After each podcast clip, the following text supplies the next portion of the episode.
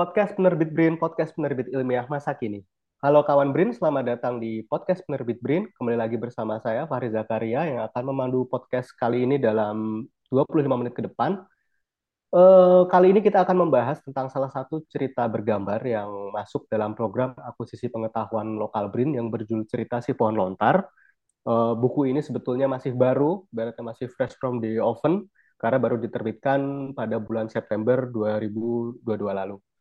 Untuk kawan BRIN yang mungkin belum tahu tentang program akuisisi pengetahuan lokal, ini merupakan salah satu program unggulan dari BRIN yang sudah diselenggarakan sejak tahun 2020 dan bertujuan untuk mengenalkan dan meningkatkan pengetahuan publik terhadap kearifan lokal Nusantara. Adapun jenis karya yang diterbitkan dalam program ini adalah karya buku dan audiovisual.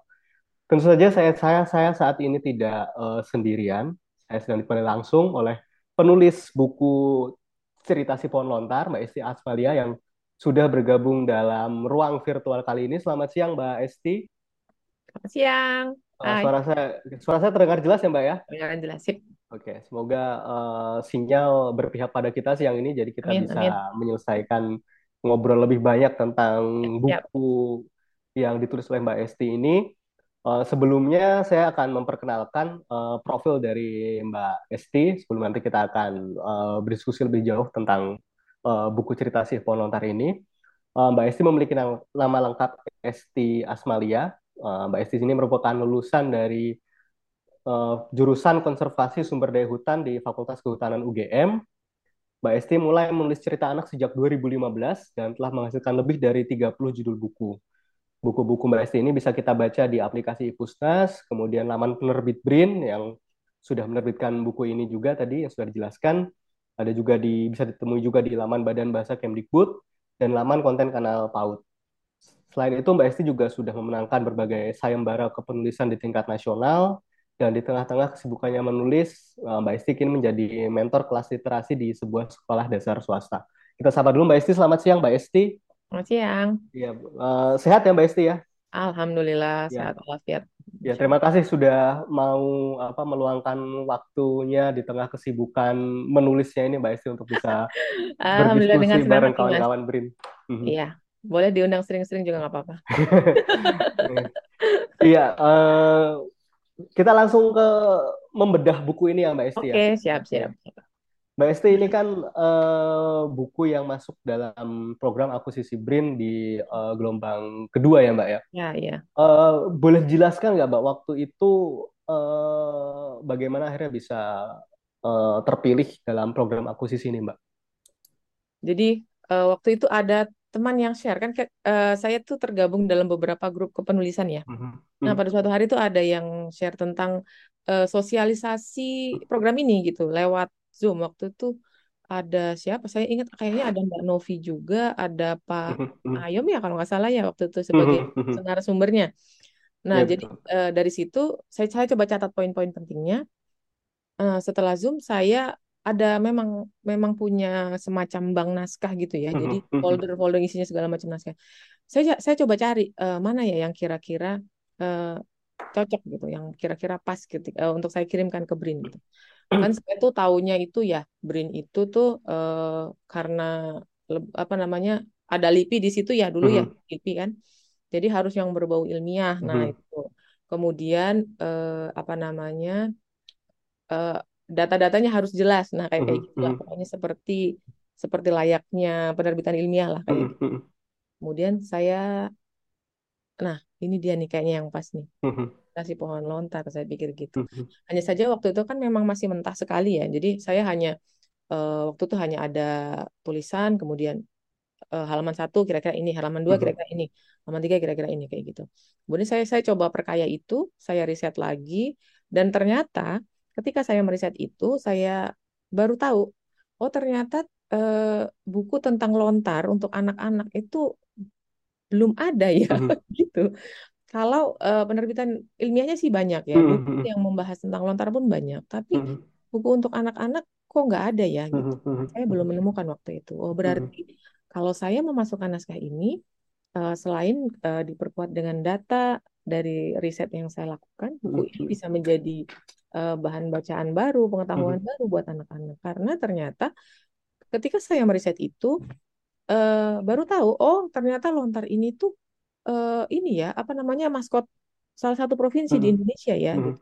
Dan ternyata memang saya baru tahu loh kalau cara apa namanya cara menuliskan di pohon lontar itu seperti itu. Jadi dipotong-potong dulu, dikeringkan dan segala macam. Saya tuh dulu kalau misalnya dengar sandiwara radio yang misalnya menulis di, di kertas lontar itu saya kira tuh bentuknya itu sama kayak kertas-kertas yang kita pakai sekarang. Ternyata enggak gitu. Jadi uh, oh saya yang meriset saja banyak menemukan hal baru gitu.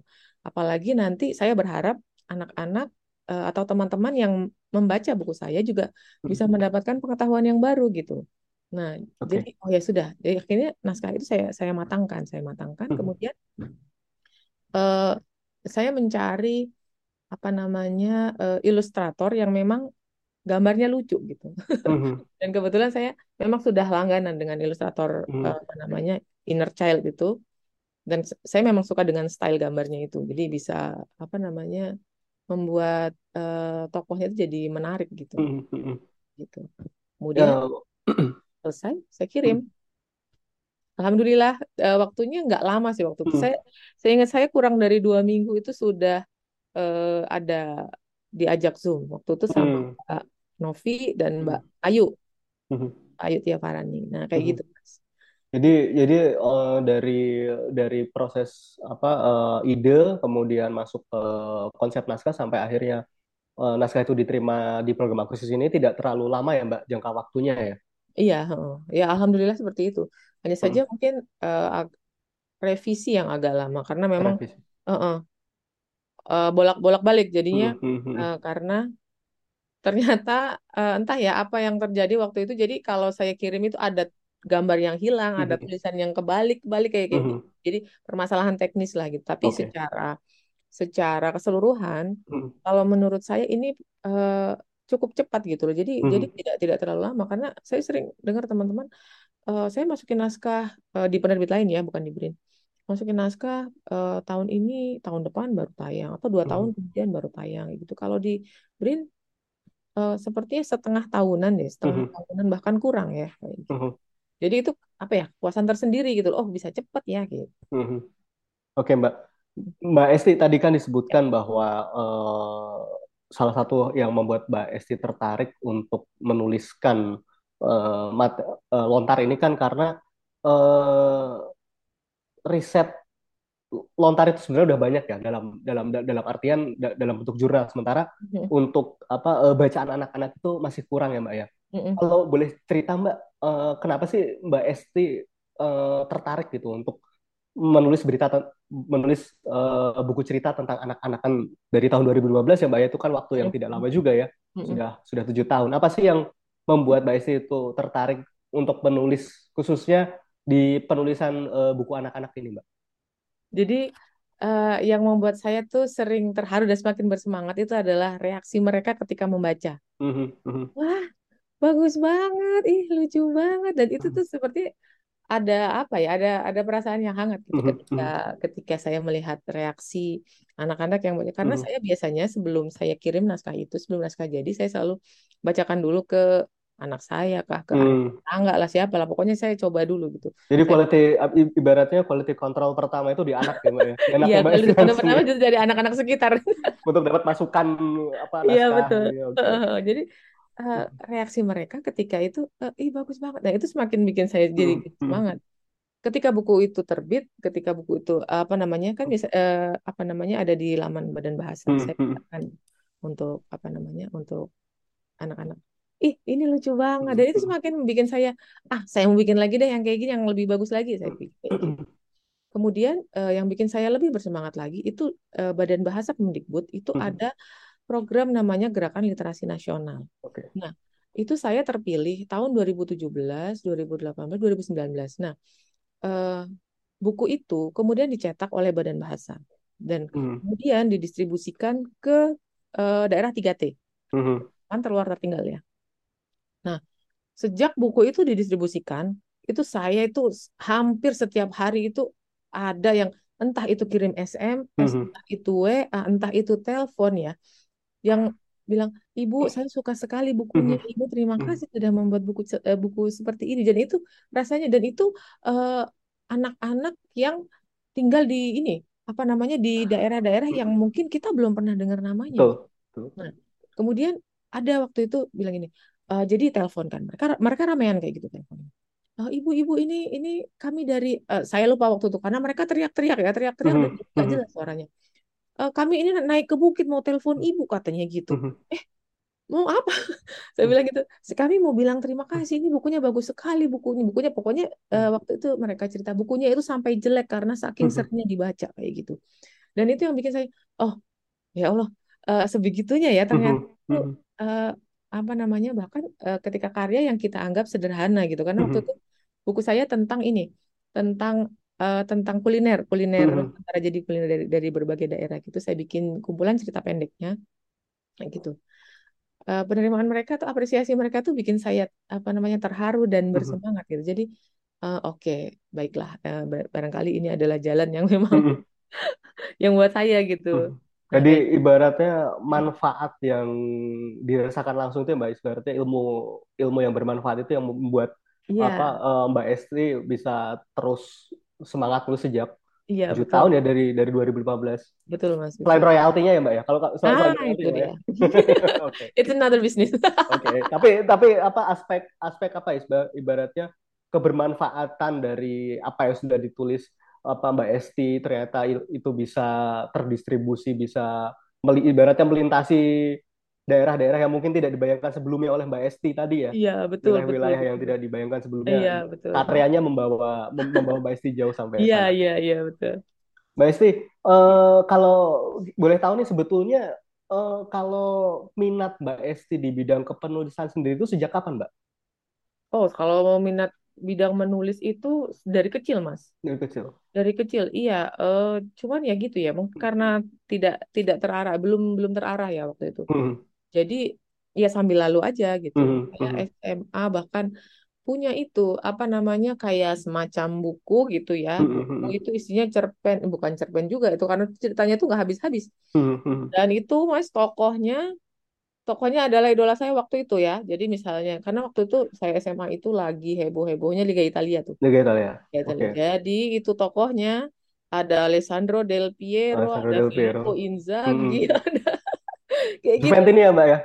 Juventini waktu itu Mbak Esti. Ah iya, uh, saya nah. waktu itu uh, saya ini ya Gunners. Oh, oh Gunners. Oke, okay, berarti ber, ber, berarti kita rival ini Mbak. Karena saya Aduh, bahaya dong. ya jadi hmm. jadi kayak kayak gitu. Jadi memang uh, mungkin kalau anak-anak sekarang Wattpad kali ya ini nih hmm. apa namanya wadahnya. Karena mereka sudah anak-anak sekarang sudah sudah punya wadah. Kalau kita dulu hmm. itu dan itu tuker-tukeran gitu mas. Tuker-tukeran gitu. Wah aku ceritaku sudah sampai sini nih. Kamu baca nggak? Hmm. gitu tuker-tukeran gitu. Tapi nggak tahu juga sekarang ke mana tuh bukunya ya. Hmm. kayak gitu. Akhirnya SMA kuliah. Kuliah pun saya uh, berusaha untuk aktif di apa namanya di Persmat tapi hmm. karena waktu itu kayaknya Persma itu masih sesuatu yang apa sangat prestisius gitu mm -hmm. masuk apalagi di UGM ya itu kan mm -hmm. namanya Balairung namanya Bulak Sumur Pos itu kalau ngeliat saya itu kalau ngeliat anak-anak Bulak Sumur dan Balairung Pos itu kayak wah seperti gimana gitu loh mm -hmm. kayaknya keren banget ini mereka-mereka ini gitu dan uh, ternyata saya mendaftar pun saya tidak diterima di keduanya gitu. Mungkin mereka sekarang menyesal Mbak sudah menyanyiakan bakat itu Mbak. Saya pengen ngasih tahu sebenarnya sama mereka. Balas dendam terbaik adalah dengan karya Mbak. ya betul betul betul. Oke. Okay. Oke, okay. kemudian Mbak kalau kalau boleh boleh ceritakan, uh, Mbak ingat nggak Mbak publikasi publikasi pertama Mbak Esti sebagai penulis itu tahun berapa dan di mana? Masih ingat nggak Mbak? Sebagai penulis itu ya itu kalau misalnya publikasi yang apa namanya getuk tular ya getuk tular mm-hmm. dari dari mulut ke mulut dari orang ke orang gitu ya itu waktu SMA itu jadi SMA, waktu okay. kami iya tuker-tukeran buku cerita itulah cerita yang kami buat dengan tokoh-tokoh mm-hmm. idola itu mm-hmm. itu aja waktu waktu ininya waktu apa namanya seingat saya sih pertama kali itu ya kemudian ketika uh, kuliah saya sering menulis untuk pamflet-pamflet kayak gitu. Pamflet apa namanya e, kampanye lah. Karena kan di kehutanan okay. kan apa namanya banyak ya isu-isu lingkungan yang dikampanyekan. Nah kayak kayak gitu. Saya sering nulis untuk itu. Kemudian juga terlibat di majalah apa namanya kayak untuk LSM gitu. Mm-hmm. majalah publikasi LSM ya gitu. Nah berkat majalah itu juga saya ketemu jodohnya mas. Coba ya. hmm. Berarti Witing Tresto jalanan suko bukan jalanan bukan suko, bareng gitu. Suko tulisan ya, bukan bukan, bukan suko kulino ya, Mbak. Ya? Mbak Esti, kalau ya. boleh tahu Mbak, apa sih tadi kan Mbak Esti sudah menceritakan bahwa ibaratnya eh, persinggungan Mbak Esti sama ke dunia penulisan kan sudah jauh ya dari ketika sekolah kemudian ketika kuliah dan apa uh, kemudian akhirnya bekerja. Tapi kemudian kan kita kenal Mbak Esti sekarang itu kan sebagai penulis uh, buku anak-anak. Nah, hmm. ini ibaratnya turning point atau titik apa ya titik tolak ketika Mbak Esti memutuskan untuk konsisten di dunia kepenulisan anak-anak itu kapan Mbak dan momen apa sih yang bikin Mbak Esti memutuskan untuk menekuni bidang penulisan buku anak ini Mbak? Jadi ya gitu Mas. Pertama karena memang saya tertolak terus itu ya di hmm. kedua apa tuh uh, persma favorit saya waktu itu. Hmm. Tapi saya tuh masih tetap nulis juga gitu loh, masih tetap nulis. Cuman saya berusaha melupakan itu gitulah, merupakan melupakan yang dua itu. Kemudian eh, sempat eh, setelah lulus ya, setelah lulus sempat bekerja, akhirnya tuh lupa gitu. Maksudnya hmm. eh, apa namanya? Jadi tidak punya waktu untuk menulis waktu itu hmm. saya karena kesibukan. Betul mbak, betul. Klasik itu mbak. Itu, nah, itu problem iya. klasik itu. Nah makanya itu. nah kemudian ketika saya resign, kan jadinya gabut ya. Waduh, saya mau hmm, ngapain ini gitu kan saya gabut. Kemudian uh, kebetulan waktu itu saya memang uh, karena memang dasarnya suka suka baca ya. Hmm. Ketika anak saya itu sudah uh, apa namanya kira-kira dia sudah ngerti tentang buku karena itu saya mulai membacakan buku untuk anak-anak saya. Hmm. Untuk untuk anak saya waktu itu anak hmm. anak sulung saya, anak pertama saya. Kok dia suka ya gitu.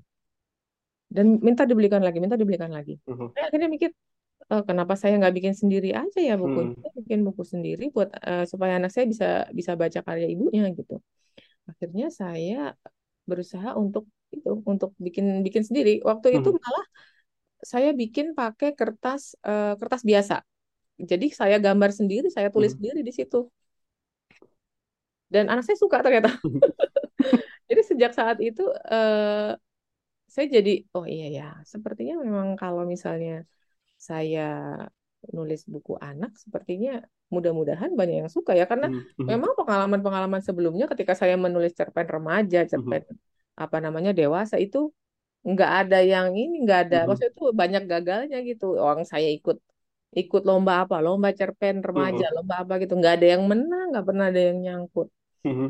kayak gitu jadi begitu apa namanya uh, saya memutuskan untuk mem, apa namanya mencari jalan lain lah ya istilahnya. Hmm. Jangan-jangan jalannya lain bukan yang ke sini, kesasar saya sebelumnya di buku anak. Saya saya mencoba buku anak tuh seperti apa sih gitu hmm. banyak belajarnya. Saya banyak-banyak baca tuh, banyak baca buku dari buku-buku anak-anak saya. Oh, saya saya coba ikutin tuh Kak. Saya coba ikutin gaya menulisnya. Saya coba ikuti uh, pemilihan diksinya hmm. gitu.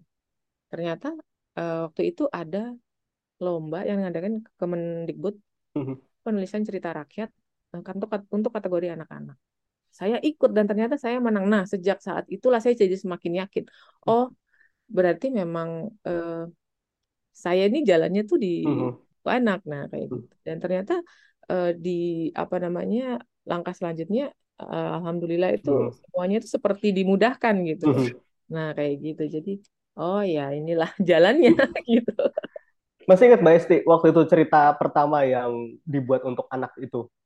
Yang buat anak saya itu ya. Hmm, masih ingat mbak?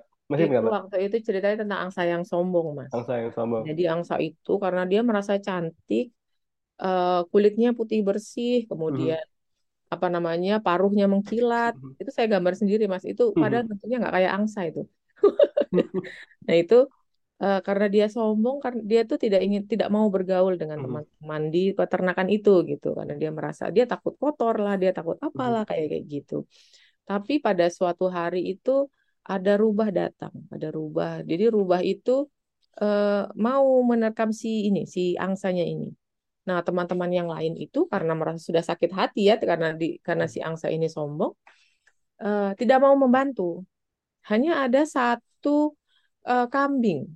Kambing itu sering memang sering di hmm. apa namanya di di apa namanya diperlakukan tidak tidak menyenangkan sama si angsa ini tapi dia berkata sama teman-temannya, uh, teman-teman kita kita nggak boleh ya, kayak kayak gitulah. Kita tidak boleh hmm. seperti itu. Kalau ada orang yang uh, berbuat tidak baik pada kita kita jangan membalas ya kita jangan membalas dengan hal yang tidak baik juga. Kita balas dengan kebaikan kayak kayak gitulah. Kemudian uh, teman-teman yang lain ini nggak mau nih. Teman-teman hewan yang lain yang dipeternakan ini nggak mau. Ini hanya si kambing ini saja yang membantu si angsa itu. Nah melihat si siapa? Si kambing ini membantu teman-teman yang lain tuh ternak-ternak yang ada di situ ikutan membantu juga gitu. Nah, akhirnya dia terbebas tuh dari cengkraman si rubah. Nah, sejak saat itu si angsa itu merasa kalau ternyata aku tidak bisa ya hidup sendiri secantik apa pun aku, seindah apa pun aku, itu ternyata aku tidak bisa hidup sendiri. Aku perlu teman-temanku kayak, kayak gitu. Begitulah.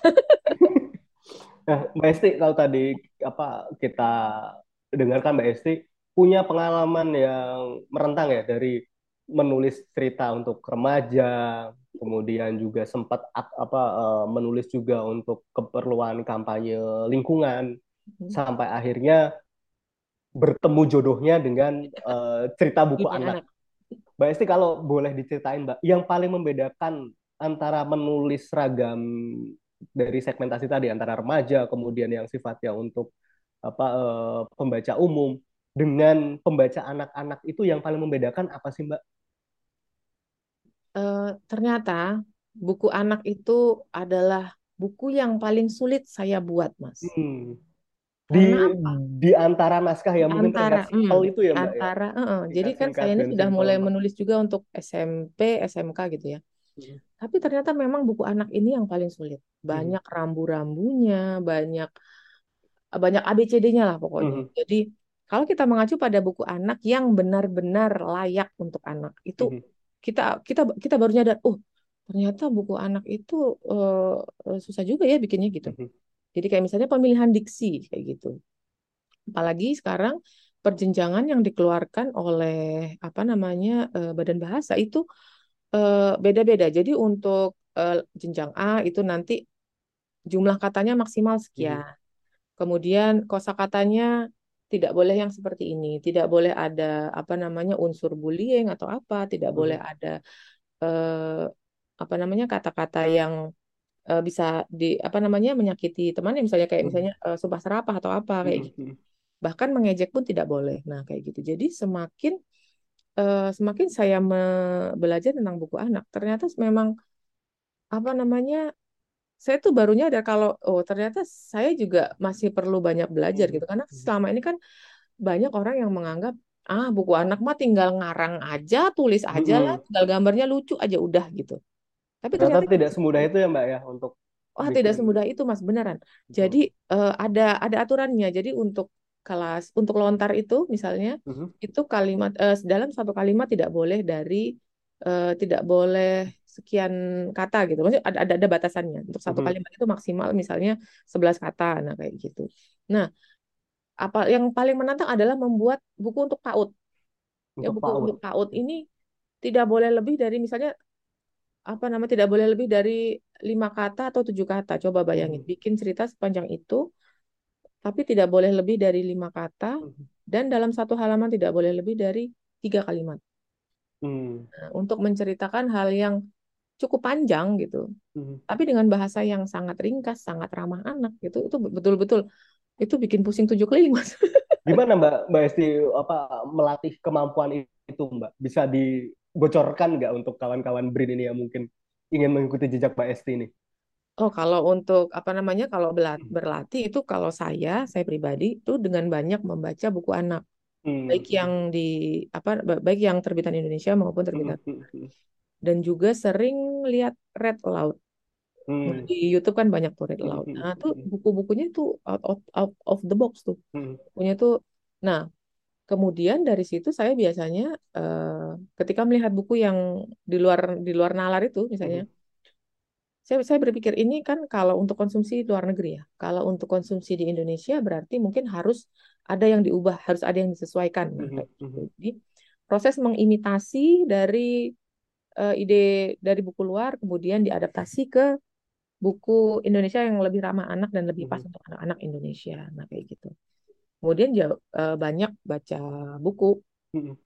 dan kalau saya itu biasanya kalau untuk kalau nulis kalau kira-kira anak saya itu sudah kehilangan konsentrasi Ketika hmm. saya membaca satu paragraf, udah itu berarti punya saya kurang menarik gitu. Hmm. Jadi memang test case-nya itu selalu anak saya hmm. kalau saya. Karena kita kan uh, pasarnya memang anak-anak gitu kan. Jadi kita editor pertama berarti anak editor ya, Editor pertama itu uh, uh, editor pertama itu anak betul. Mm -mm, betul. Jadi kalau misalnya ih gitu banget ceritanya. Nah, itu berarti aduh ada yang salah nih kayak gitu. Apalagi memang anak-anak saya itu terbiasa membaca banyak banyak buku. Jadi apa namanya masukan dari mereka itu sangat berharga buat saya iya. gitu. Kayak gitu. Berarti apa ungkapan bahwa anak-anak itu jujur memang sangat diperlukan ya Mbak ya dalam nah, itu betul. Ini, Apalagi anak-anak itu jujur. Itu. Coba kalau saya saya tanya sama Mas Fakri, Mas buku hmm. saya bagus enggak? Oh bagus. Oh, bagus, keren banget pokoknya gitu kan. Oh. itu kalian nanti kan nanya ke anak saya, hmm. ini kepanjangan, Umi ini kayaknya harus hmm. dipotong sebelah sini deh kayak gitu. Hmm. Jadi mereka mungkin dengan tarikan napas mereka yang masih pendek gitu ya. Jadi ketika mereka baca agak panjang itu sudah ngos-ngosan gitu. Hmm. Hmm. Nah jadi memang coba dibaca satu kalimat saya biasanya kayak gitu. Kalimat yang ini tolong dibaca. Nah ketika uh, saya melihat mereka cukup terengah-engah ketika membaca hmm. itu berarti oh berarti harus saya pendekkan kalimatnya. Nah kayak gitu. Dan di situ tantangannya. Karena mencari kalimat apa ya yang sama gitu ya tapi maksudnya sama kalimatnya tapi dengan lebih lebih pendek lebih sedikit hmm. kata-katanya itu lumayan gitu Mbak Esti, kalau untuk penulis apa uh, sendiri yang jadi referensi siapa Mbak? Oh, ada yang... saya punya penulis idola, ada Ibu Ari, Ari Nilandari, ada B.E. Prianti, ada teman dan itu teman-teman saya semua. Hmm, hmm, hmm. ya, ada Tias KW, ada Ana Palestina, buku, mereka buku-buku yang ada ada Imran Laha, ada Beni Ramdhani, kemudian eh, banyak pokoknya eh, kebanyakan itu buku favorit saya itu dari literasi cloud. Jadi literasi mm -hmm. cloud itu laman yang menyediakan buku-buku bacaan bermutu di situ. Mm-hmm. Bukunya luar biasa bagus dan saya sangat merekomendasikan itu. Jadi kalau ada teman-teman yang bertanya, Mbak Esti, uh, rekomend dong buku apa ebook yang bagus. Nah, saya mm-hmm. selalu rekomendasikan itu. Literasi cloud sama Let's Read itu buku-bukunya dan uh, baca Pibo, baca Pibo. Tapi kalau baca Pibo itu untuk yang premium dia berbayar ya. Tapi kalau untuk yang literasi cloud dan Let's Read itu gratis. Dan itu buku-bukunya boleh dicoba, bagus-bagus banget.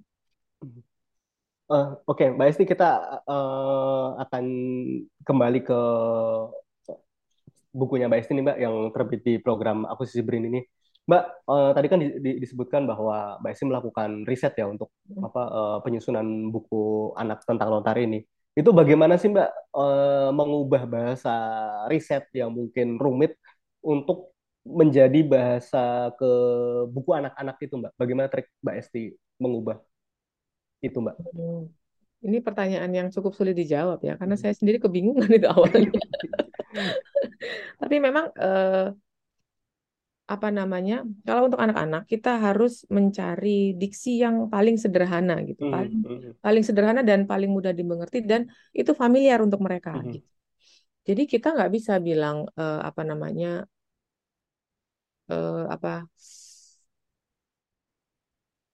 uh, limbah gitu misalnya kita mm-hmm. kita nggak bisa bilang uh, limbah karena mungkin dalam bayangan anak-anak limbah itu apa sih kan masih ngawang ya masih mm-hmm. ngawang kita bisa mencari padanannya yang lebih sederhana misalnya sampah atau misalnya kayak jadi jadi bahasa-bahasa atau sisa atau barang-barang bekas nah misalnya misalnya mencari padanan yang lebih sederhana dari daripada limbah daripada kita nanti bingung neranginnya kayak gimana kita cari saja padanannya yang lebih sederhana dan itu memang uh, takes time ya membutuhkan hmm. waktu cukup lama nah kayak gitu tapi memang kalau kalau saya sih uh, daripada bukunya tidak dimengerti anak-anak hmm. jadi mendingan saya tidak apa-apa ma apa namanya uh, riset lebih lama membuat buku lebih lama yang penting anak-anak bisa paham gitu apa hmm. yang ada di buku itu kayak gitu. Oke. Okay. Oke, baik, Mbak.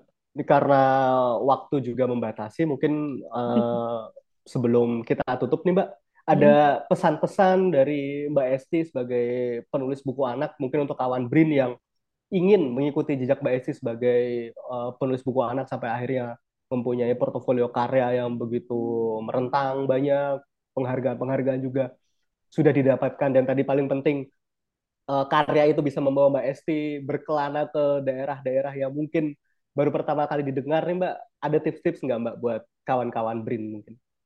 tipsnya adalah terus menulis dan jangan menyerah gitu. Karena kalau kalau saja waktu itu ketika saya tulisan saya itu gagal, tulisan saya itu ditolak, tidak menang ketika ikut kompetisi, saya menyerah, saya tidak akan sampai sejauh ini gitu. Jadi eh, apa namanya? Gimana ya?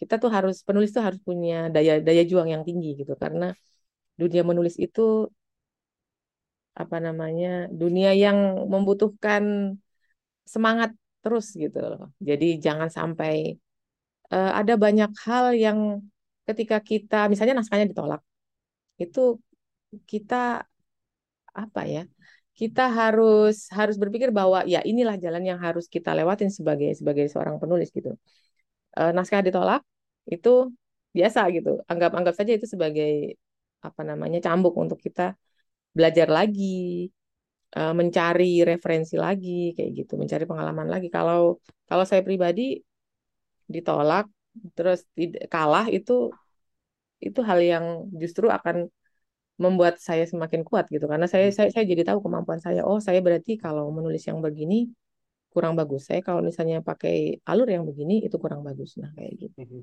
jadi memang tetap semangat jangan pernah menyerah jangan pernah berhenti menulis apa pun. Kayak gitu semangat. Okay.